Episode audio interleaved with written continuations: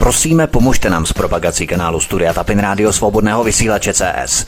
Pokud se vám tento nebo jiné pořady na tomto kanále líbí, klikněte na vaší obrazovce na tlačítko s nápisem Sdílet a vyberte sociální síť, na kterou pořad sdílíte. Jde o pouhých pár desítek sekund vašeho času. Děkujeme. Příjemný, krásný, dobrý večer, dámy a pánové, milí posluchači od mikrofonu svobodného vysílače a nebo na kanále Odisí vás zdraví vítek. Já vás vítám při poslechu druhé epizody druhé části trilogie o Líbii, respektive libijské trilogie. Co jsme slyšeli minule? V prvním díle jsem začal dětstvím a dospíváním Muamara Kadáfího.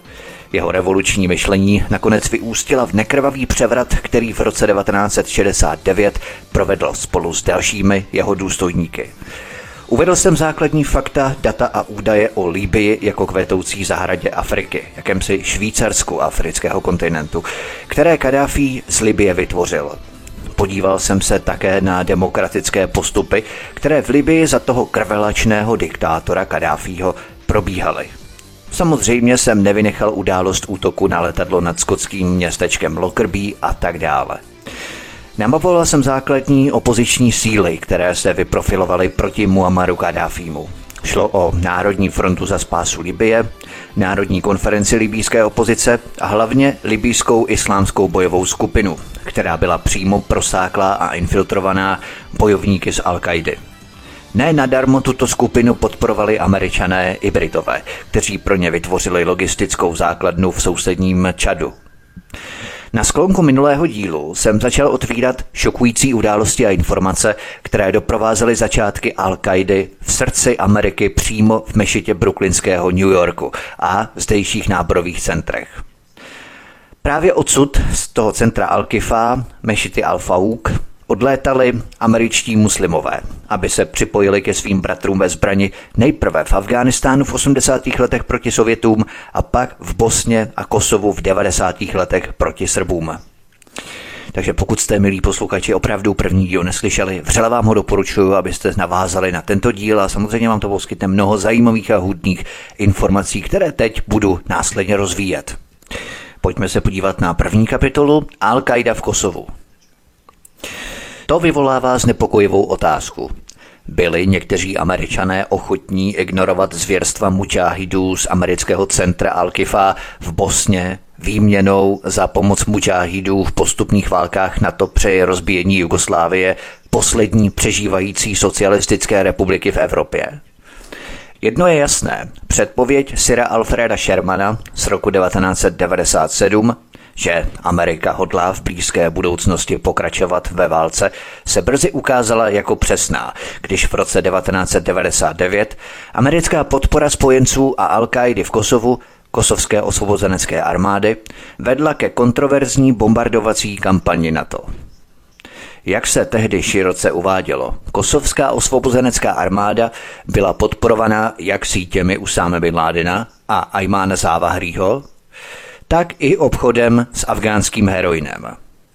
V médiích se tehdy uvádělo, že někteří členové kosovské osvobozenecké armády, která financovala své válečné úsilí prodejem heroinu, byli vycvičeni v teroristických táborech vedených mezinárodním uprchlíkem Usámou bin Ládinem, který je hledaný v souvislosti s bombovými útoky na dvě americká velvyslanectví v Africe v roce 1998, při kterých zahynulo 224 osob, včetně 12 Američanů, jak se psalo tehdy v médiích.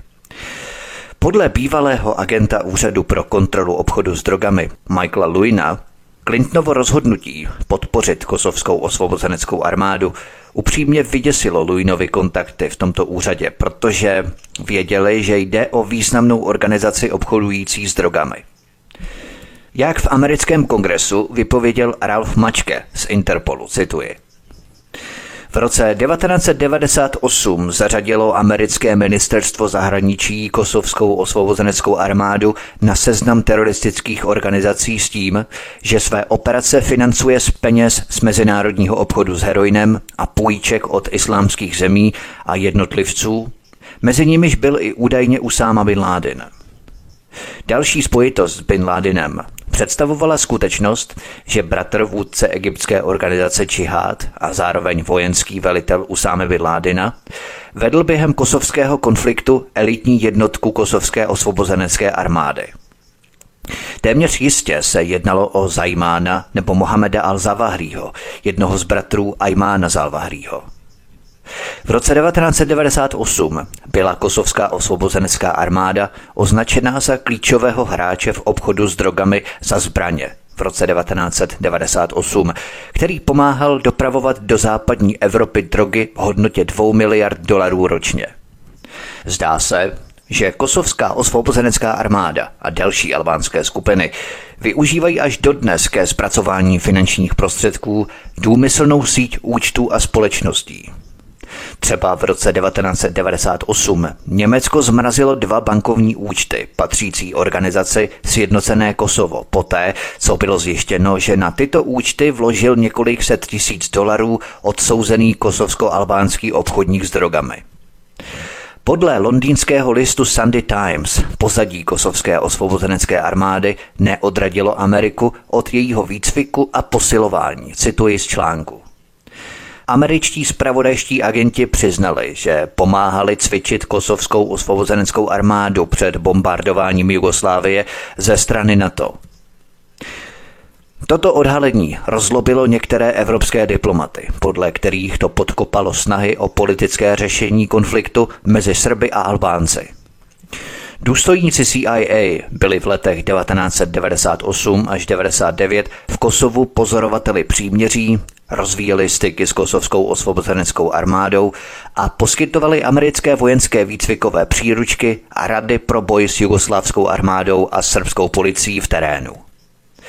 Když Organizace pro bezpečnost a spolupráci v Evropě OECD, která koordinovala monitorování týden před zahájením leteckých útoků, opustila Kosovo, Mnoho jejich satelitních telefonů a globálních polohových systémů GPS bylo tajně předaných kosovské osvobozenecké armádě, což partizánským velitelům zajistilo možnost zůstat v kontaktu s NATO a Washingtonem.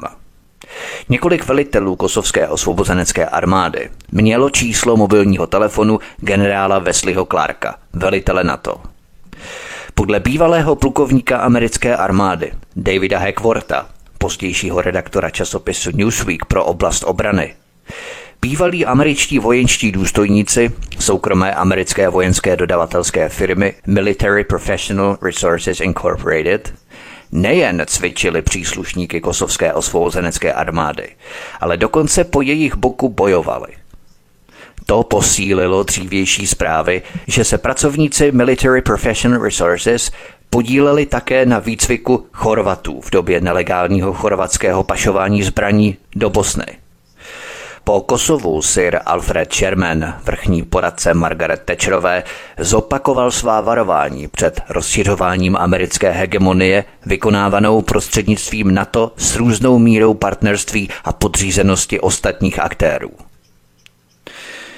Tento proces začal záměrným rozpadem Jugoslávie, který vedlo Německo a se kterým souhlasili ostatní členové Evropské unie a Spojených států od roku 1991.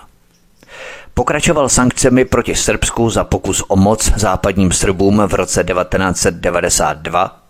V Bosně americká angažovanost na počátku rozpoutala občanskou válku. Zimmermanova návštěva u bosenského prezidenta Iserbegoviče a nakonec předostla v humanitární bombardovací kampaň v roce 1999 a okupaci Kosova. Jiní podezřívali Ameriku, že její angažmá bylo motivované touhou po novém transbalkánském plynovodu a nové americké vojenské základně na Balkáně, která by jej i bránila. Ačkoliv byli tito kritici zpočátku zesměšňovaní, obě předpovědi se brzy ukázaly jako pravdivé. V roce 2007 zahájila korporace Embo registrovaná ve Spojených státech, v jejímž čele stojí bývalý manažer BP Ted Ferguson, výstavbu plynovodu z Albánie do Makedonie. Nedaleko tohoto plynovodu se nachází polostálá základna americké armády Camp Bumsteel, která pojme až 7 tisíc vojáků. V roce 2007 prezident George Bush mladší vytvořil nové velitelství Spojených států pro Afriku US Africom. Jeho velitelství se ale nachází v německém Stuttgartu. Nevím, jestli je to ještě stále, ale na počátku tomu tak bylo. To vedlo ke spekulacím, že Amerika měla zálusk na libijské mezinárodní letiště, které americké letectvo provozovalo jako leteckou základnu Hílas až do svého zrušení v roce 1970. Ti, kteří se ve Washingtonu rozhodli pomáhat teroristům a obchodníkům s drogami, zřejmě neuvažovali o takových externalitách, jako jsou domácí důsledky oficiálního jednání se zločineckými teroristickými sítěmi, které mají globální dosah. Přesto ty důsledky byly a jsou reálné, neboť islamističtí teroristé, které Spojené státy chránili při rozvracení pořádku v Kosovu a dalších zemích, byli brzy chráněni i uvnitř Spojených států. Jak uvedl bývalý agent Úřadu pro kontrolu obchodu s drogami Michael Lewin o drogových sítích napojených na kosovskou osvobozeneckou armádu, cituji, Tito lidé mají síť, která je aktivní v ulicích této země – jsou to ty nejhorší prvky společnosti, jaké si dokážete představit. A teď jsou, podle mých strojů z protidrogového oddělení, politicky chránění. Konec citace. Jinými slovy, kosované se teď při obchodování s drogami ve Spojených státech těšili de facto stejné ochraně, jaké se dříve těšili Číňané, Kubánci, Italové, Tajci a další etnická aktiva CIA, pocházející ze 40. let 20. století. Mark Chance v roce 2000 po bombardování NATO na podporu kosovské osvobozenecké armády uvedl, že afgánský heroin z velké části distribuovaný kosovskými Albánci teď představoval téměř 20% heroinu zabaveného v Americe, téměř dvojnásobek procenta odebraného o čtyři roky dříve. V Evropě se mezi tím odhadovalo, že kosovští Albánci kontrolovali 40% evropského heroinu.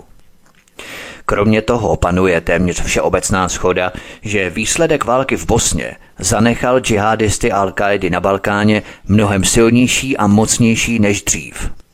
Slovy profesora Johna Schindlera byla Bosna, nejvíce pro západní společnost v umě muslimském světě, přeměněná v džihadistán prostřednictvím domácího podvodu, násilného konfliktu a chybné mezinárodní intervence – Pojďme se podívat na další kapitolu Al-Qaida, SSSR, Jugoslávie a Libie. Jak na Balkáně, tak i v Líbii, ale působily i hlubší motivace od ropy po geostrategické priority. Prakticky ve všech válkách od roku 1989 Amerika a islámské frakce bojovaly o to, kdo bude v postsovětské éře ovládat srdce Eurázie – v některých zemích, třeba v Somálsku v roce 1993 nebo v Afghánistánu v roce 2001, byl konflikt přímočarý a každá strana využívala excesy té druhé jako záminku k intervenci. Ale byly i jiné intervence, při kterých američané využívali Al-Kaidu jako zdroj k posílení svého vlivu, jako například v Azerbajdžánu v roce 1993. Tam byl promoskevský a proruský prezident svržený poté, co bylo z Afghánistánu tajně dovezeno velké množství arabských a dalších zahraničních veteránů z řad mučahídů, které si američané sami v 80. letech vycvičili proti Sovětům a vybavili je moderními zbraněmi, raketami a penězi. Tyto afgánské mučahídy američané dovezli do Azerbajdžánu leteckou linkou narychlo zorganizovanou třemi bývalými veterány letecké společnosti CIA Air America. Tu jsem podrobně popisoval v pořadu Drogy a CIA a nebo Krvavé historie CIA. Všichni tři, kteří kdysi pracovali v Pentagonu pro CIA, se jmenovali Richard Secord, Harry Ederholt a Ed Derborn. Byl to ale ad hoc snětek z rozumu. Mučahedíni dostali možnost bránit muslimy před ruským vlivem v enklávě Náhorního Karabachu, zatímco američané získali nového prezidenta, který otevřel ropná pole v Baku západním ropným společnostem. Vzorec spolupráce Spojených států s muslimskými fundamentalisty proti sekulárnějším nepřátelům není nový. Datuje se při nejmenším od roku 1953, kdy CIA naverbovala pravicové muláhy, aby svrhli premiéra Mohameda Mossadeka v Iránu a začala také spolupracovat se sunnickým muslimským bratrstvem. Řešil jsem to v prvním díle krvavé historie CIA. V Libii v roce 2011 jsme ale viděli složitější snětek z rozumu mezi spojenými státy a složkami Al-Kaidy. Snětek, který opakuje vzorec, který jsme viděli v Bosně a Hercegovině v letech 1992 až 95 a v Kosovu v letech 1997 až 98. V Libii v roce 2011 došlo ke sňatku s rozumu mezi Spojenými státy a Al-Qaidou. V těchto zemích Amerika reagovala na místní konflikt ve jménu humanitární intervence, aby omezila stranu páchající zvěrstva. Ve všech třech případech se ale zvěrstev dopouštěly obě strany a americká intervence ve skutečnosti zvýhodňovala stranu spojenou s Al-Qaidou. Ve všech třech případech byla příčina intervence podpořená zjevnou manipulací a falšování faktů. To, co jeden historik poznamenal o bosenském konfliktu, platilo také o Kosovu a nakonec se opakovalo i v Libii. Ačkoliv útoky páchali jak srbové, tak muslimové, v západních médiích platilo, že důležité bylo pouze zabíjení muslimů, zatímco smrt nemuslimů důležitá nebyla. Zprávy o masovém znásilňování po tisících se ukázaly být silně přehnané. Francouzský novinář odhalil pouze čtyři ženy, které byly ochotné tuto historku potvrdit. Mezitím v roce 1994 francouzský intelektuál Bernard Henry Lévy odcestoval do Bosny a hodlivě podporoval důvody pro intervenci v Bosně. V únoru 2011 ten samý Bernard Henry Lévy odcestoval do Bengází a znovu se přihlásil k intervenční roli pro Líbii. Ve všech výše uvedených zemích navíc existují známky toho, že některé americké nebo západní spravodajské skupiny spolupracovaly s Al-Qaidou od samého počátku konfliktu, tedy ještě před zvěrstvy uváděnými jako důvod pro intervenci. To naznačuje, že pro americké intervence Existovaly hlubší důvody, včetně touhy západních ropných společností využívat ropné zásoby v Libii, stejně jako v Iráku, aniž by museli jednat s nepříjemným a mocným silným mužem, a nebo jejich přání vytvořit strategický ropovod přes Balkán v Kosovu. To, že by Spojené státy podporovaly Al-Kaidu v teroristických zvěrstvech, je zcela v rozporu s dojmy vytvářenými americkými médii – Přesto toto pokračující nesvaté spojenectví oživuje a navazuje na spojenectví, které bylo základem strategie provokace Zbigněva Břežinského v Afghánistánu v letech 1978 až 79, v době, kdy byl poradcem prezidenta Jimmyho Cartera pro národní bezpečnost. V těchto letech Zbigněv Břežinský neváhal hrát proti Sovětskému svazu teroristickou kartou – posílil snahy Savaku, iránské spravodajské služby Šáha, spolupracovat s islamistickými předáky Al-Kaidy na destabilizaci Afghánistánu způsobem, který brzy vedl k sovětské invazi do této země. Této země, jak se později chlubil, Břežinský Carterovi řekl, cituji, Nyní máme možnost dát Sovětskému svazu jeho větnamskou válku. Hovořil jsem o tom tuším v psychologii Deep State. Tehdejší ředitel CIA William Casey v této strategii využití teroristů proti Sovětskému svazu pokračoval i v Afghánistánu. Zpočátku CIA směrovala pomoc prostřednictvím pákistánské rozvědky ISI, Inter-Services Intelligence Service, svým klientům, afgánským extremistům, jako byl Gulbedin Hekmatyar, později jeden z nepřátel Ameriky v Afghánistánu. V roce 1986 ale William Casey zavázal CIA k podpoře dlouhodobé iniciativy pákistánské rozvědky. Jejímž cílem bylo rekrutovat radikální muslimy z celého světa, aby přišli do Pákistánu a bojovali s afgánskými mujahedíny. Pomoc CIA teď dosáhla jejich podpůrného úřadu služeb v Pešaváru, v jehož čele stál palestinec Abdullah Azám a Usáma bin Laden. Je důležité připomenout, jak Zbigněv Břežinský a William Casey využívali teroristy později – v Libii, stejně jako dříve v Kosovu a nebo v Bosně, se totiž objevovaly znepokojivé známky toho, že Amerika nadále podporuje islamistický terorismus jako prostředek k likvidaci socialistických nebo kvazi socialistických národů, které dříve nebyly na její, řekněme, oběžné dráze. Nejprve to byl Sovětský svaz, pak Jugoslávie a nakonec Libie – Posloucháte druhou část, druhou epizodu z trojdílného cyklu o Líbii. Od mikrofonu svobodného vysílače Studia Tapin Radio nebo na kanále Odyssey vás zdraví Vítek. Já vám přeju příjemný poslech, písnička je na cestě, pod ní pokračujeme. Hezký večer. Od mikrofonu svobodného vysílače Studia Tapin Radio nebo na kanále Odyssey vás zdraví Vítek. Posloucháte druhou epizodu z libýské trilogie. Kadáfi využíval bohatství Libie, jediného středomorského státu, který byl stále vyzbrojovaný Ruskem a nezávislý na NATO, k tomu, aby západním ropným společnostem vnucoval stále obtížnější podmínky a celou Afriku učinil nezávislejší na Evropě a Americe. Tomu se budu věnovat ve speciální kapitole, protože to je vážně ohromné, co Muammar Kadáfi už téměř dokázal – Nicméně provedli jsme si hluboký řez do zákulisního průběhu spolupráce Američanů s islámisty, respektive al qaidou které vycvičili, které náborovali v brooklynské mešitě Al-Fauk v rámci centra Al-Kisa v New Yorku, v Brooklynu, vyzbrojovali je, vycvičovali je a používali je v horkých oblastech po celém světě. V Afghánistánu, na Balkáně nebo naposledy v Libii. Sám Muammar Kadáfi se ostře postavil proti al qaidě zatímco američané al qaidu nejen cvičili, ale i vytvářeli v newyorském Brooklynu. Kdo tedy je ten terorista, vážení?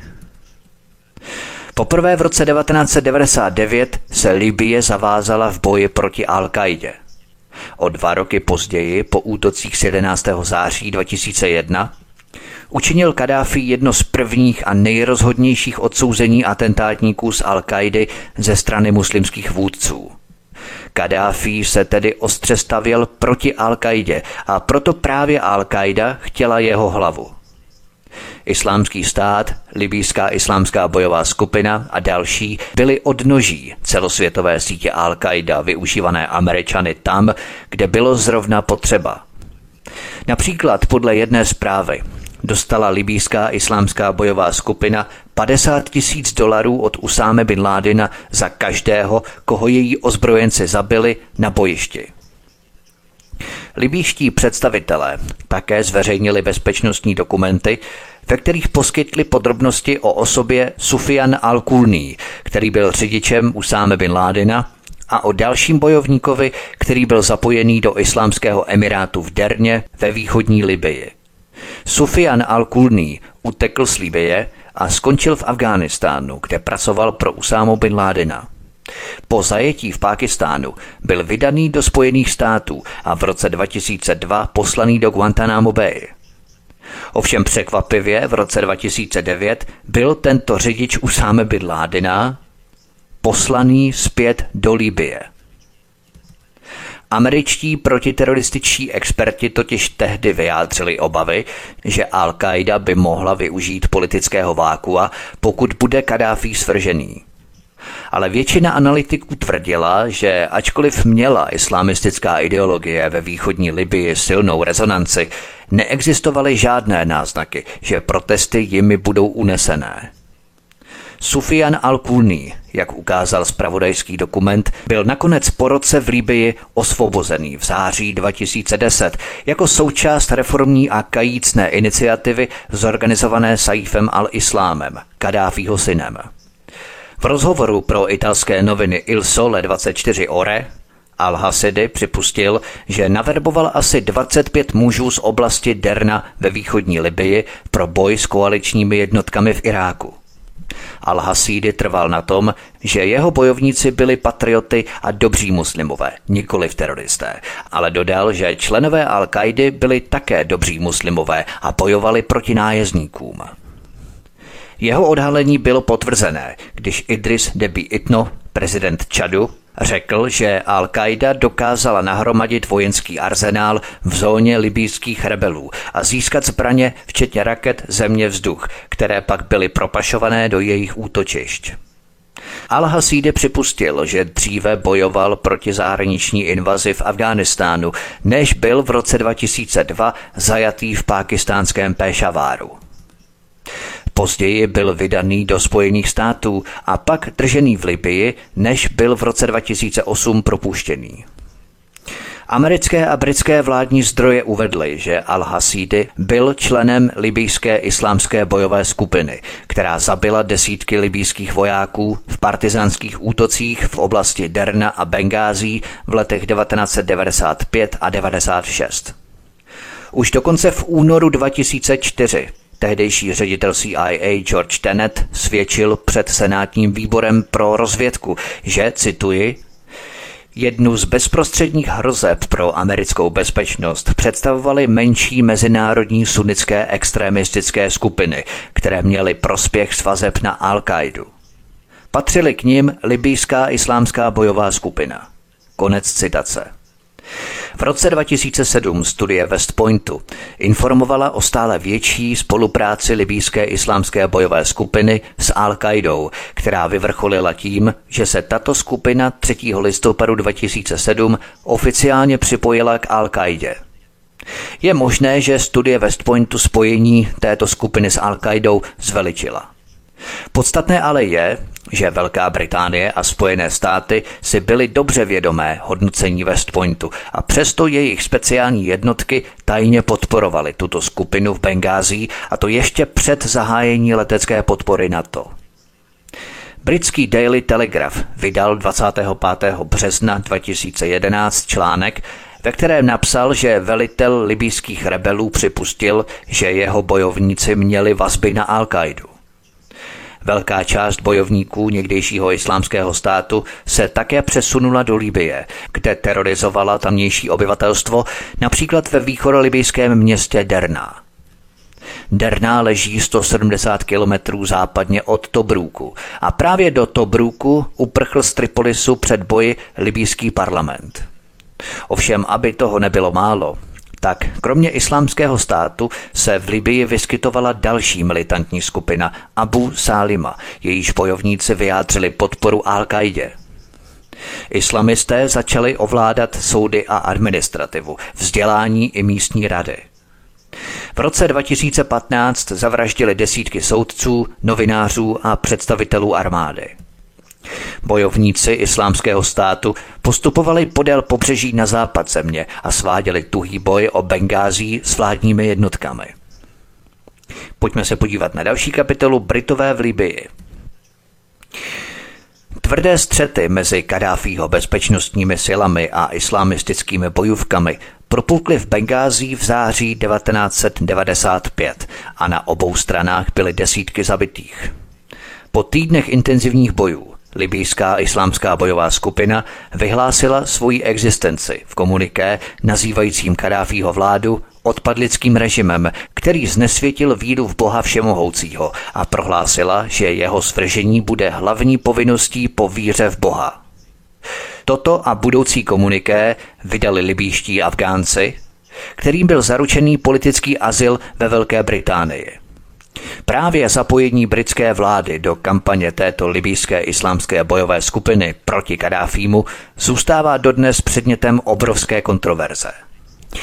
Britská tajná služba MI6 byla mnohokrát obviněna z podpory této libýské islámské bojové skupiny. Není divu, když stoupenci tohoto militantního islámského hnutí sídlili v anglickém Manchesteru, Někdejší vůdce těchto islamistů Abdel Hakim Belhač vedl soudní spor s britskou vládou kvůli tomu, že ho MI6 vydala Kadáfího režimu stejně jako jeho manželku Fátimu Búčárovou. Další islámský bojovník, Khairi Saldalách, zatčený kvůli vraždám v Readingu, také přišel do Anglie se svou rodinou z Libie zhruba kolem roku 2010 a objevily se i další případy libyských vazeb na násilí, zejména bombový útok v Manchesteru. Už se třeba zapomíná na to, že Salman Abedi, který při tom útoku v Manchester aréně zavraždil 23 lidí a 139 dalších zranil, se narodil libýským rodičům přímo v Anglii. Účastnil se bojů proti Kadáfího režimu. Jeho otec, který se toho konfliktu také účastnil, byl členem této libýské islámské bojové skupiny. Salman Abedi se do Libie vrátil v roce 2014 a připojil se k jedné ze skupin bojovníků v občanské válce. Salman Abedi se v té době dokonce setkal s příslušníky brigády Batar islámského státu v Sabratě. Bratr Salmána Abediho, Hashem Abedi, byl na základě britské žádosti prostřednictvím vlády v Tripolisu podporované OSN zatčený milicí v Libii a vydaný zpět do Británie. Hashem Abedi byl po procesu v Old Bailey shledaný vinný z vraždy v souvislosti s útokem v Manchesteru, který jeho bratr Salman provedl, přičemž byly předložené důkazy o jeho aktivní spoluúčasti. Nebo pamatujeme si třeba na masakr v tuniské pláži v roce 2015? Na té pláži v tuniské souse bylo zabito 38 lidí. Ten vrah, Saifedin Rezgui, byl vycvičený v teroristickém táboře islámského státu na druhé straně hranice v Libii.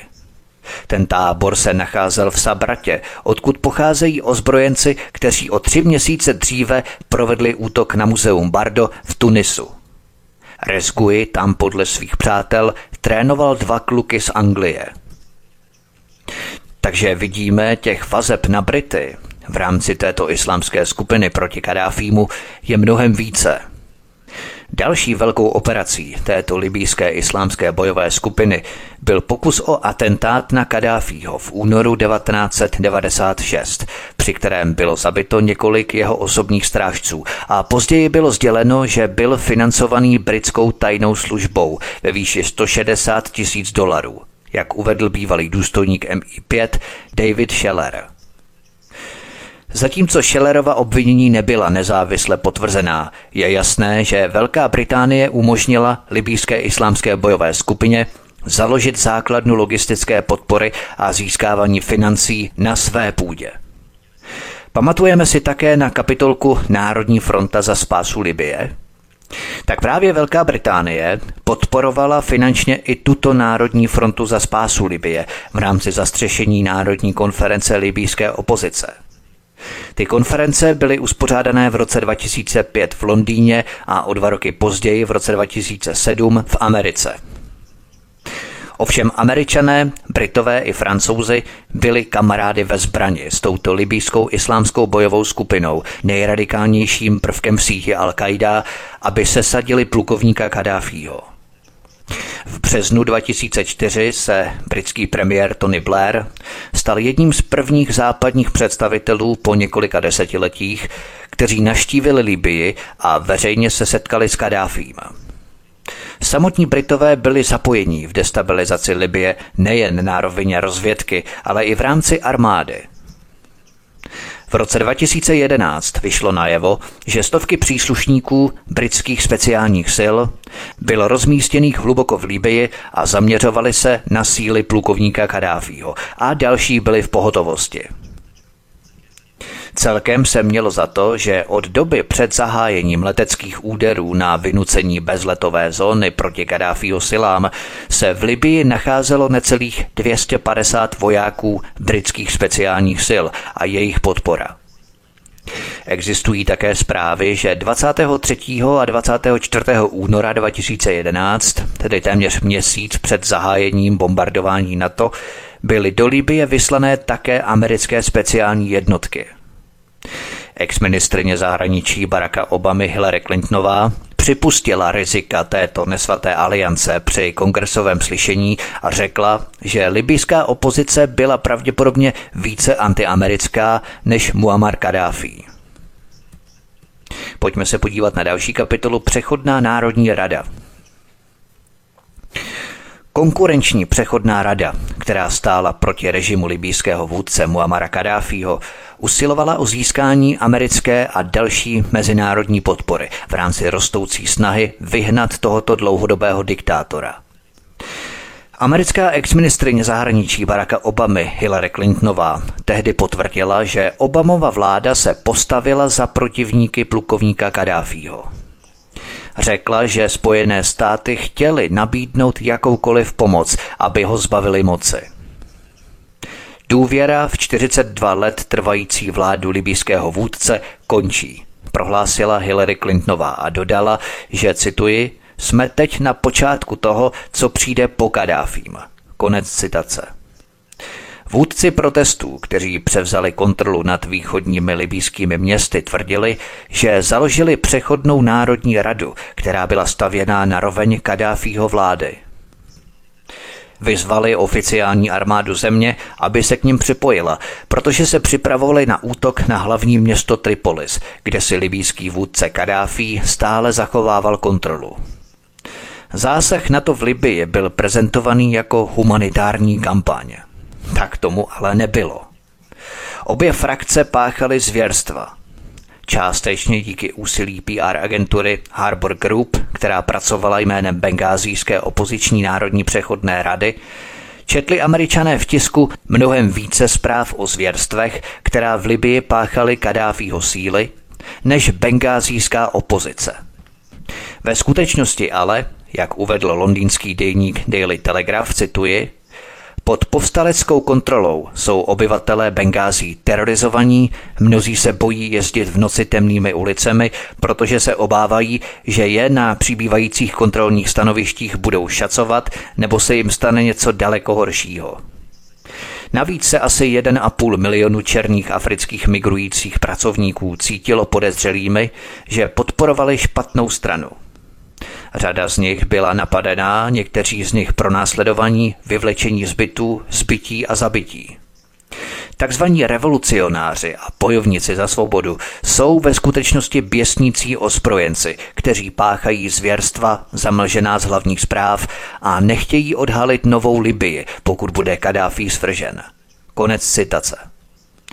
Thomas Mautin, Souhlasil s tím, že od vypuknutí povstání v Bengází bylo rasistickými povstaleckými milicemi okradeno a zavražděno několik stovek sudánských, somálských, etiopských a eritrejských gastarbajtrů, což mezinárodní média dobře skrývala. Takové zprávy pokračovaly dál. Třeba samotná organizace Human Rights Watch – obvinila povstalce ze zabíjení Kadáfího příznivců, kteří byli jen civilisty a srabování, vypalování a plenění domů a oblastí Kadáfího příznivců. Tohle byli ti osvoboditelé v euforii opilí mocí. Korporátní a mainstreamová média cudně mlčela o tom, že mezi těmito skupinami v této bengázijské přechodné koalici byli i veteráni naší libýské islámské bojové skupiny, o kterých jsem hovořil v předchozích kapitolách. Tato skupina byla totiž odnoží sítě Al-Qaida. 16. září 2011 se nově vytvořená vláda ujala libýského křesla v OSN a nahradila Kadáfího. Libie má tedy dvě vlády. Faiz Saráč byl premiérem centrální vlády v Tripolisu, dnes je jejím předsedou Abdelhamid Bajid. Tuto vládu podporuje OSN nebo Evropská unie spolu s Tureckem nebo Katarem. Ale tato vláda v Tripolisu má omezenou moc. Východ a jih země kontroluje bývalý agent CIA, polní maršál Khalifa Haftar, velitel libýské národní armády, což je jedna z nejmocnějších sil v Libii. Toho teď podporuje Rusko, Spojené arabské emiráty, Egypt nebo Jordánsko. V Libii tedy existují dva vojensko-politické bloky. Ve skutečnosti už neexistuje jako jediná země. Nikdo nikoho neposlouchá, každý je ve válce s každým. Ale předtím se Kadáfí dokázal spojit a dokázal vládnout 143 kmenům. PR agenturám, které si Západ najímá, aby pozitivně vykreslovali žoldácké teroristy, svrhávající vlády, se budu věnovat v kapitole Mýty o Kadáfím. Posloucháte druhou část, druhou epizodu z trojdílného cyklu o Líbii. Od mikrofonu svobodného vysílače Studia Tapin Radio nebo na kanále Odyssey vás zdraví Vítek. Já vám přeju příjemný poslech, písnička je na cestě, pod ní pokračujeme. Hezký večer. Od mikrofonu svobodného vysílače Studia Tapin Radio nebo na kanále Odyssey vás zdraví Vítek. Posloucháte druhou epizodu z libýské trilogie. Pojďme ale na další kapitolu. Zbraně libýských rebelů Saudská Arábie. Namapovali jsme si základní rozvržení libýské opozice, která stála proti Kadáfímu. Jenom pro stručnou rekapitulaci byla to Národní fronta za spásu Libie, což byli polovojenští žoldáci s logistickou základnou v sousedním Čadu a podporovaní Izraelem, Saudy, Brity a Američany. Zastřešující organizací byla Národní konference libýské opozice, která pořádala setkání v Londýně 2005 a v Americe v roce 2007. Třetí opoziční silou byla libýská islámská bojová skupina, která byla odnoží al kaidy a kterou podporovala jak britská MI5, tak i CIA, konec konců stejně jako al kaidu samotnou. Takže tohle byly základní opoziční síly v Libii, které stály proti Muammaru Kadáfímu. Druhým aspektem, na který se chci podívat, je, odkud proudily zbraně libýským rebelům. Britský deník Independent zveřejnil 7. března 2011 výbušnou zprávu o tajném americkém plánu na vyzbrojení libýských rebelů. Tehdy dokonce americký prezident Barack Obama žádal Saudy, aby letecky dopravili zbraně do Bengází. Američané se totiž zoufale snažili vyhnout obvinění o jejich vojenském zapletení, kdy dlouhodobě podporovali libýskou opozici proti plukovníku Kadáfímu. Proto američané tehdy požádali Saudskou Arábii, jestli by jim pomohla dodat zbraně rebelům v Bengází. I to byl vysoce tajný požadavek Washingtonu.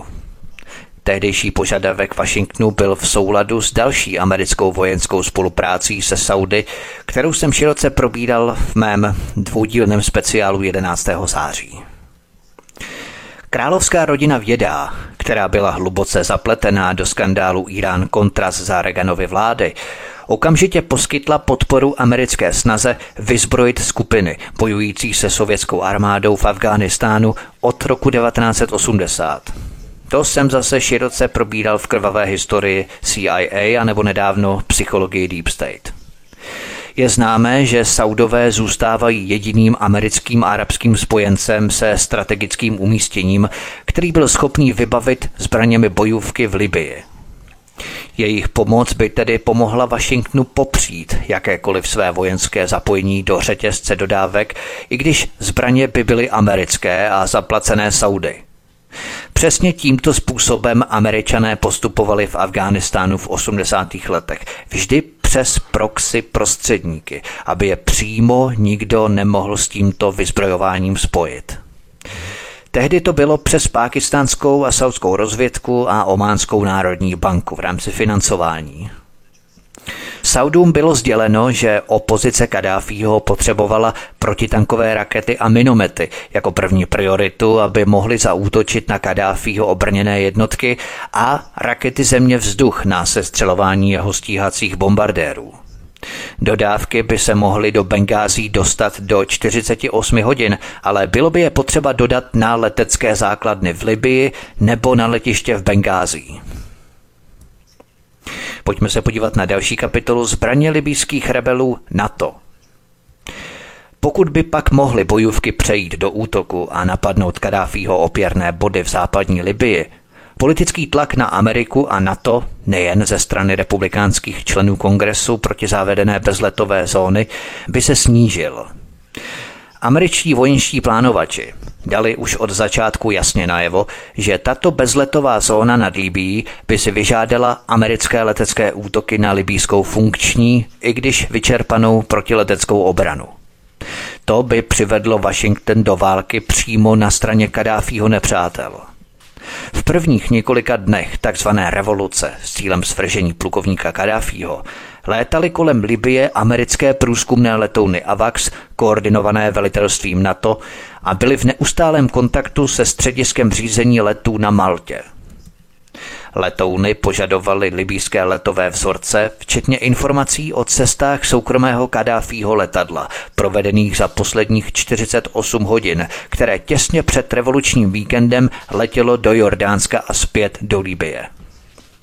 Vojenské síly NATO oficiálně popisovaly přítomnost amerických průzkumných letounů AVAX jako součást své operace v rámci vzdušních protiteroristických opatřeních v regionu Středního východu. Údaje ze systému AVAX byly vysílané do všech zemí NATO v rámci existujícího mandátu mise – Americký kanál Al Jazeera odvysílal záznamy předané americkým letadlem řízení letového provozu na Maltě, kde si vyžádalo informace o libýských letech, obzvláště o letadle Kadáfího. Bylo možné slyšet, jak americký letoun AVAX s číslem LXN 90442 Kontaktoval řídící věž na Maltě a požadoval informace o libýském Dassault Falcon 9005 ADCM na jeho cestě z jordánského Amánu do Mitiga, což bylo vlastní Kadáfího VIP letiště.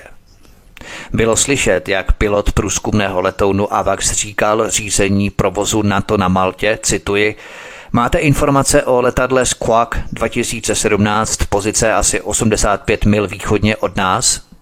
Řízení provozu na Maltě odpovědělo. Sedm zní to jako Falcon 900 v letové hladině 340, cíl Mitiga podle letového plánu. V NATO ovšem panoval velký zmatek ohledně operace Libie. Z 28 členů NATO se do libijské kampaně vůbec zapojilo pouze 14 členů a do letecké války pouze 6. Z toho pouze tři země, Spojené státy, Velká Británie a Francie, nabídli povstalcům na zemi taktickou leteckou podporu. Když řada zemí NATO zmrazila bankovní účty Kadáfího a jeho bezprostředních stoupenců, Spojené státy v nezveřejněném a pochybném kroku zmrazily celých 30 miliard dolarů libýských vládních fondů, ke kterým měli přístup.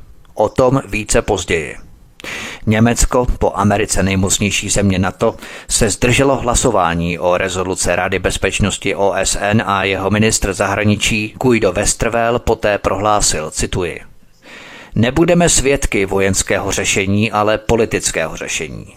Konec citace. Pojďme se podívat na další kapitolu zbraně libýských rebelů Egypt. Americký deník Los Angeles Times zveřejnil 24. března 2011 článek, ve kterém popisoval, jak libýští rebelové koordinovali činnost u leteckého útoku se západem. Zprávy z oblasti naznačovaly, že Saudové a Egyptiané dodávali zbraně. Ačkoliv američtí představitelé to potvrdit nemohli, říkají, že to bylo pravděpodobné. Dále Wall Street Journal zveřejnil 17. března 2011 článek, ve kterém uvedl, že Egypt sdělil, že vyzbrojoval libýské rebely. Egyptská armáda začala odesílat zbraně přes hranici s Libí rebelům s vědomím Washingtonu, sdělili představitelé Spojených států a samotných libýských rebelů. Tyto dodávky, většinou lehké zbraně jako samopaly a munice, byly prvním potvrzeným případem vyzbrojování bojovníků, rebelů nebo postalců zahraniční vládou. Jeden vysoký americký diplomatický představitel sdělil, že, cituji, egyptské převozy zbraní začaly před několika dny a nadále probíhají. Žádná formální americká politika nebo uznání toho, že to probíhá, neexistuje, ale je to něco, o čem víme. Konec citace. Žádosti o komentář zaslané egyptskému ministerstvu zahraničí a mluvčímu premiéra zůstaly bez odezvy.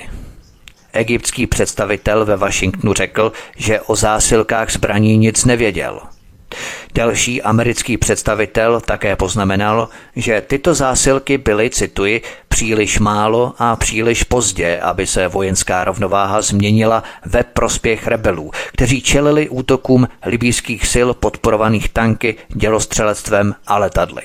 Konec citace. Dokonce Haní Souflakis, libýský podnikatel z Káhyry, který působil jako styčná osoba mezi rebeli a egyptskou vládou od počátku povstání, tak tento libýský podnikatel prohlásil, že cituji, víme, že nám egyptská vojenská rada pomáhá, ale nemohou být tak viditelní. Zbraně se tam dostávají, doplnil Hamid Suflakis, který tvrdil, že měl pravidelné kontakty s egyptskými představiteli v Káhyře a vedení rebelů v Libii.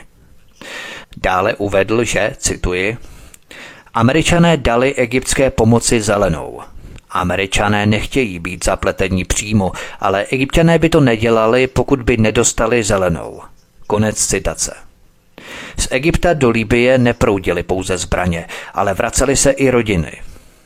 Přední libýský podnikatel a filantrop Hassan Tatanaki a vůdce neziskovky Al-Alada Avalan financoval návrat libýských uprchlíků z Egypta zpět do Libie. Třeba jeden z prvních konvojů pěti rodin o círka 50 lidech opustil Káhiru a směřoval do Tobrúku. Každá rodina cestovala v separátním minibusu, s výpravou jela i ambulance, zdravotnický tým a skupina dobrovolníků. Když se rodiny dostaly do Tobruku, neziskovka je ubytovala na jeden rok a po tu dobu jim platila kapesné tisíc libýských dinárů měsíčně.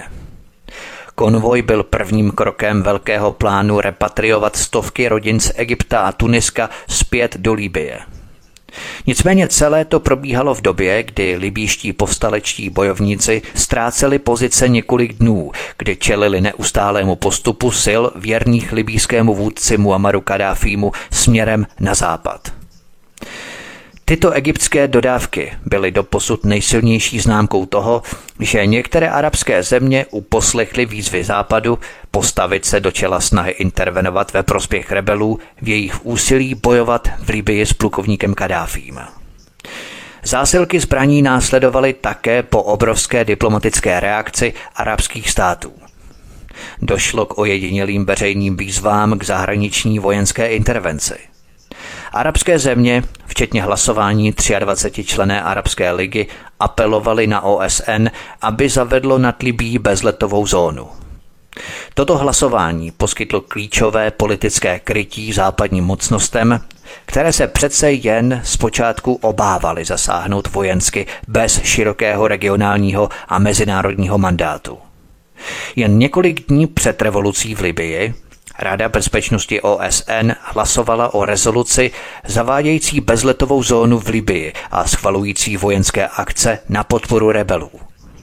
V Bezpečnostní radě OSN se ujal vedoucí role při návrhu Libanon a dal kolovat návrh rezoluce, ve kterém se vyzývalo ke všem nezbytným opatřením pro vynucení zákazu letů nad Libí. Egypt se během hlasování Arabské ligy, která vyzvala OSN, aby zavedlo bezletovou zónu, zdržel, jak uvedli lidé obeznámení s vnitřními diskuzemi Arabské ligy. Pojďme se podívat na další kapitolu zbraně libýských rebelů Katar. Spojené arabské emiráty a Katar se chopili vedoucí role a nabídli účast na vynucování bezletové zóny podle diplomatů z OSN. Představitelé libýských rebelů v Bengází mezitím chválili Katar už od prvních dnů povstání a nazývali tento malý stát v zálivu svým nejvěrnějším spojencem. Vlajky Kataru bylo vidět v Bengází obsazovaném rebeli často. Podle americké zprávy Kongresové výzkumné služby z ledna 2008, cituji, Někteří pozorovatelé vznesli otázky ohledně možné podpory al kaidy některými občany Kataru, včetně členů velké vládnoucí katarské rodiny. Podle zprávy Komise pro vyšetřování 11. září poskytl katarský ministr vnitra útočiště organizátorovi útoku 11. září Chálidu šejku Mohamedovi v polovině 90. let a tiskové zprávy naznačují, že i jiní teroristé mohli po 11. září 2001 dostat finanční podporu nebo útočiště právě v Kataru. Šéf katarské národní bezpečnosti a ministr vnitra Abdullah bin Khalid Al-Thani je známý ještě v souvislosti s tím, že v roce 1995 zaplatil cestu Chálidu šejku Mohamedovi, cituji, aby se připojil k džihádu v Bosně. Americká zpráva uvádí, jak po bombovém atentátu v podzemních garážích Světového obchodního centra v roce 1993 Představitelé FBI těsně propásli příležitost zajistit podezřelého v Kataru. Bývalí američtí představitelé pak uvedli, že věří, že mu dal echo o hrozící razii vysoce postavený člen katarské vlády, což mu umožnilo utéct ze země.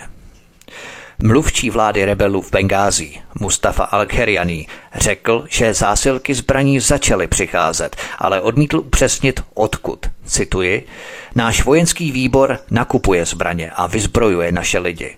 Zbraně přicházejí, ale povaha zbraní, množství, odkud jsou, to bylo utajeno. Konec citace. Posloucháte druhou část, druhou epizodu z trojdílného cyklu o Líbii. Od mikrofonu svobodného vysílače Studia Tapin Radio nebo na kanále Odyssey vás zdraví Vítek. Já vám přeju příjemný poslech, písnička je na cestě, po ní pokračujeme. Hezký večer. Od mikrofonu svobodného vysílače Studia Tapin Radio nebo na kanále Odyssey vás zdraví Vítek. Posloucháte druhou epizodu z libijské trilogie. Pojďme se podívat na další kapitolu Mýty o Kadáfím. Omal al-Hariri, šéf ozbrojených sil libýské opoziční přechodné národní rady, zůstal pod přísným dohledem bezpečnostních sil až do 17. února 2001, kdy revoluce začala. Jak prohlásil, cituji, Revoluci nezačaly prominentní postavy starší generace, ale začala spontánně, když Tunisko a Egypt inspirovali mládež, děti Facebooku, prohlásil anglicky s velkým úsměvem.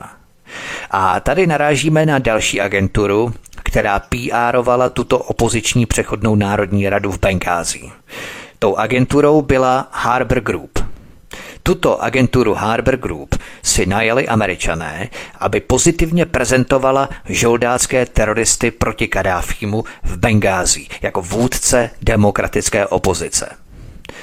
Vůdce této přechodné národní rady to řekl dobře. Děti Facebooku, to je přesně ono. Jde totiž o odtajněné dokumenty, které ukazují, jak agenti západních rozvědek, pracující v NGO neziskovém sektoru, mají různá schémata a metodické postupy, manuály, příručky na svrhávání vlád. Západní výzvědné agentury mají v zásadě pro svržení vlád dva strategické plány – dostat do země zahraniční aktivisty, kteří mají zkušenosti s takzvanými crowd eventy, čili divadly na ulicích pro média. Na sociální síti se svolá skupinka, té se dají do rukou připravené transparenty, všichni budou volat stejná protivládní hesla a na místě jakoby náhodou se sejdou světové agentury, které to natočí a pustí do světa. Zápalná šňůra zažehnutá. Na sociálních médiích probíhá rekrutace dětí Facebooku, jak trefně poznamenal vůdce libýské opoziční přechodné národní rady. Tyto odtajněné dokumenty nám poskytují jedinečný unikátní vhled do operační metodologie západních výzvědných agentur – Jedním z dalších nástrojů technologie vytváření revolucí a svrhávání vlád je promyšlená kampaň pomluv, lží a mýtů namířená proti určité osobě, v našem případě proti Muammaru Kadáfímu. Drby a nechutné lži mají být šířené a předávané západním médiím – Můžou to být třeba lži o zdraví prezidenta, lži o jeho soukromém životě. Viděli jsme zprávy o tom, jak Muammar Kadáfi měl prý rozsáhlý ženský harém a že to byl deviantní zvrhlík, který znásilňoval ženy každý den několikrát po snídani, po obědě a po večeři. Přitom zprávy zevnitř hovořily přesně opačně – Dále třeba se mohou šířit osvědčené lži o kontech v zahraničních bankách, lži o hrozících rezignacích a tak dále. Jednou ze složek podpůrné kampaně agentů západních rozvědek je záměrné vytváření stimulů pro šíření drbů. Drby musí být považované za informace předané v rámci neformální komunikace a musí se šířit jako virus. Ideální platformou pro takové kampaně je internet – obzvláště různé sociální sítě, blogy, Facebook nebo Twitter. Dobře vedená pomlouvačná kampaň nutí úřady neustále hledat výmluvy, které pomáhají vytvářet takzvanou presumpci viny a vyvolávají větší nedůvěru obecné veřejnosti vůči vládě. Jedním ze základních drbů, který je třeba podporovat po celou kampaň, bývá drb o možné rezignaci prezidenta dané země – Toho si všímejme, že přesně tento drb se vždycky rozšíří v médiích, když probíhá nějaké to barevné třeštění v nějaké zemi. Účelem takovéto psychologie je ujistit obecnou veřejnost a elitu o samotné možnosti takové rezignace, že vláda prezidenta není tak neotřesitelná. Vedle ničení image vládce nebo prezidenta jsou účinné i další drby, které jsou uvedené v těchto metodologických postupech. Třeba další drb. Každým dnem je více nezaměstnaných, očekávají se další vlny nezaměstnaných. Vystrašit veřejnost, nejistota a nestabilita, strach z budoucnosti spojené právě s touto vládou, kterou chtějí západní představitelé rozvědek svrhnout vystrašit veřejnost a spojit nestabilitu a nejistotu v budoucnosti právě s touto vládou. Další drb. Země je levně vyprodávaná na plné obrátky, probíhá tajná privatizace podniků. Vládní představitelé prodávají majetek Arabům a Číňanům za úplatky. Jde prostě o drby a fámy podle metodologie barevných revolucí. Nejistota a nedůvěra veřejnosti k současné vládě. Po vypuknutí násilností v Bengází nám bylo masmédii řečeno, že Kadáfi opustil Libii a odjel do Venezuely. To samozřejmě nebyla pravda, šlo o další fámu podle metodologie barevných revolucí. Znejistit obyvatelstvo, které za prezidentem pevně stojí, že jeho pozice je otřesitelná, že je opustil, že odjel pryč, lekl se a utekl jako malý kluk. Zbabělec systematické ničení image. Tyto podvodné zprávy o rezignaci Kadáfího v Libii měly podpořit povstání tím, že by protestující uvěřili, že v mocenském boji už zvítězili, anebo že přinejmenším mají obrovskou šanci zvítězit. Tyto lži byly brzy následované zprávami, že Kadáfi vydal rozkaz protestující bombardovat. To byla samozřejmě lež. Kadáfi se úzkostlivě snažil bombardovat vojenské cíle, ne civilní infrastrukturu, kterou 40 let úporně budoval, zveleboval, zušlechťoval, kultivoval, aby si ji potom sám zničil. Zlomyslně jenom proto, že proti němu stála nějaká rebelanská skupina. Povstalci. Všímejme si univerzality takových fám šířených korporátními médii, která jsou šířená přesně podle příruček postupů a manuálů barevných revolucí. Vždycky stejný jmenovatel, leitmotiv, znejistit domácí obyvatelstvo a ničit image prezidenta. Historie amerických válek nám říká, že když začne jít do tuhého, Rozjedou se profesionální PR kampaně, často se zcela smyšlenými příběhy. Například, když v roce 1990 Colin Powell, tehdy předseda sboru náčelníků štábu, vyjadřoval pochybnosti o tom, že Spojené státy měly zaútočit na Kuwait, Objevily se příběhy o tom, že podle tajných satelitních snímků Saddam schromáždil 265 tisíc vojáků a 1500 tanků na okraji saudsko-arabských hranic. Colin Powell poté změnil názor a útok se uskutečnil. Po invazi si ale reportérka Petrohradských Timesů prohlédla satelitní snímky z komerčního satelitu a neviděla žádné známky po čtvrt milionu vojáků ani jejich tancích u hranic se Saudskou Arábií. Jestřáby v kongresu, zejména Tom Lentos, a Stephen Solars si zajistili podporu pro útok na Irák vyprávěním 15-leté dívky, že viděla, jak iráčtí vojáci vytrhávají kuvajské kojence z inkubátorů. Tato historka byla zdiskreditovaná, když se zjistilo, že dívka, dcera saudského velvyslance ve Washingtonu, možná nemocnici vůbec nenaštívila. Na svůj příběh ji připravila PR agentura Hill and Knowlton – která měla od kuvajské vlády smlouvu na 11,5 milionu dolarů. Historie amerických zahraničních intervencí je takovýmito falešnými historkami přímo posetá.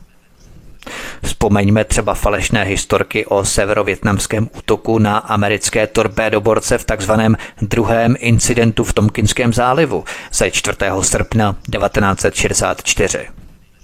Dále třeba víme, že v dokumentech k operaci Northwoods navrhl sbor náčelníků štábu Spojených států v roce 1962 řadu způsobů, ze kterých některé byly smrtící, jak oklamat americký lid, aby američané mohli vyvolat válku proti Kubě. Od fiaska falešných iráckých příběhů v letech 1990 až 1991 byly tyto příběhy zpravidla šířené zahraničními zdroji, obvykle evropskými. To platilo třeba pro falešné historky spojující Sadáma Husajna s proslulými antraxovými dopisy z roku 2001. Později se ukázalo, že antrax pocházel z americké laboratoře pro biologické zbraně – Nedávno jsme to viděli na britské spravodajské hře ohledně kauzy Novičok, Sergeje a Julie Skripalových. A nebo třeba i u nás v České republice našimi čučkaři ohledně recinové aféry, a nebo naposledy směšné parodie a fiaska ve Vrběticích. Tuto opakující se historii z falšovaných příběhů, které mají ospravedlnit buď agrese vůči konkrétní zemi, anebo přímo intervence, bychom měli mít na paměti – Stejné to bylo v obviněních, že Muammar Kadáfi poskytoval prý svým vojákům Viagru, aby znásilňovali ženy.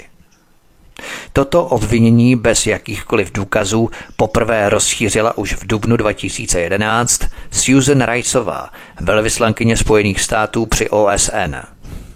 Ve čtvrtek 28. dubna 2011 americká velvyslankyně Susan Riceová oznámila, že libýským vládním jednotkám byla vydaná Viagra a bylo jim řečeno, aby znásilňovali jako teroristickou zbraň.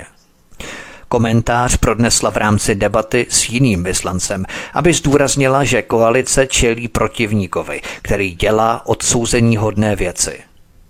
Několik diplomatů uvedlo, že Rajsová neposkytla žádné důkazy pro tvrzení o Viagře, které podle nich zaznělo ve snaze přesvědčit pochybovače, že konflikt v Libii nebyl jen standardní občanskou válkou, ale mnohem odpornějším bojem, ve kterém se Kadáfi nebojí nařídit svým jednotkám páchat ohavné činy. Všímejme si takovýchto hoaxů, fake news, korporátních médií, mainstreamových médií. Korporátní média a mainstreamová média šíří tyto informace, aniž by je měly ověřené, ale na nás mají stále tu drzost útočit ohledně fejků, hoaxů, dezinfo a konspirací. Můžeme sestavit šňůru lží, které mainstream a korporátní média šíří, ale to je zaobalené do hávu vznešené zprávy v televizi anebo v novinách. Západní novináři mají sklon snadno porušovat konvenční demokratické normy, když se jim to hodí a je to v souladu se zájmy jejich sponzorů a zadavatelů. To se samozřejmě týkalo Libie plnou měrou. Citujme profesora Elena J. Coopermana. Prezident Barack Obama hrubě zveličil humanitární hrozbu, aby ospravedlnil vojenskou akci v Libii. Prezident tvrdil, že zásah byl nutný, aby se zabránilo krvavé lázni v Bengází, druhém největším libýském městě a poslední povstalecké baště. Organizace Human Rights Watch ale zveřejnila údaje o Misurátě, dalším největším libýském městě a dějišti vleklých bojů, které odhalily, že Muammar Kadáfi záměrně nemasakroval civilisty, ale spíše se úzce zaměřoval na ozbrojené povstalce, kteří bojovali proti jeho vládě. V Misurátě žije zhruba 400 tisíc obyvatel. Za téměř dva měsíce války tady zemřelo pouze 257 lidí, včetně bojovníků. Z 949 zraněných bylo pouze 22 žen, tedy méně než 3% Plukovník Kadáfi také nikdy nevyhrožoval masakrem civilistům v Bengází, jak tvrdil Barack Obama. Varování bez slitování ze 17. března 2011 se týkalo pouze povstalců, jak uvedl deník The New York Times, který poznamenal, že libýský vůdce slíbil amnestii pro ty, kteří odhodí zbraně. Kadáfi dokonce povstalcům nabídl únikovou cestu a otevřenou hranici do Egypta, aby se vyhnuli boji až do hořkého konce. Tyto PR agentury, které si najímají západní rozvědky, aby pozitivně vykreslovali preferovanou a favorizovanou stranu, jsou velmi zajímavé. Třeba PR agentura Hill and Norton, která měla od kuvajské vlády smlouvu na 11,5 milionu dolarů a která připravila 15-letou dívku, ve skutečnosti dceru saudského velvyslance ve Spojených státech, na příběh o iráckých vojácích, kteří vytrhávali kuvajské děti z inkubátorů. A nebo další PR agentura Ruden Finn, která byla najatá na kampaň kolem zinscenovaného masakru muslimů Srby ve Srebrenice. A nebo PR agentura Harbor Group, která pracovala jménem Bengázijské opoziční národní přechodné rady. Vždy sledujme, kdo manažuje jaké kampaně. Sledujme, kdo si je najal, koho vykreslují jako padoucha, záporáka a koho naopak jako oběť.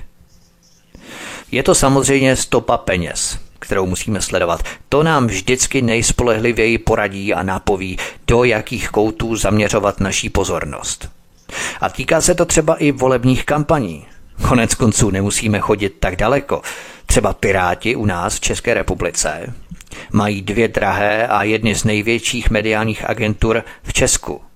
Jakub Horák, dříve TBWA a ještě dříve byl v agentuře Mark BDBO, která pořádala kampaň i kandidátovi na prezidenta Mirku Topolánkovi v roce 2018 a předtím dlouho pracoval pro ODS a speciálně Ivana Langra a tak dál.